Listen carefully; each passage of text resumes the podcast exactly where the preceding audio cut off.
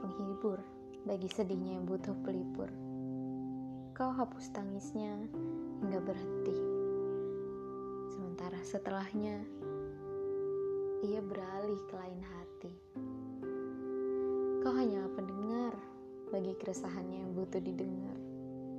Kau sandarkan pundak untuk menenangkannya, sementara setelahnya ia menghilang entah ke mana.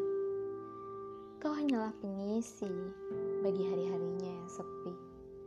Kau hempas sepi atas kesendiriannya, sementara setelahnya ia pergi bersamanya.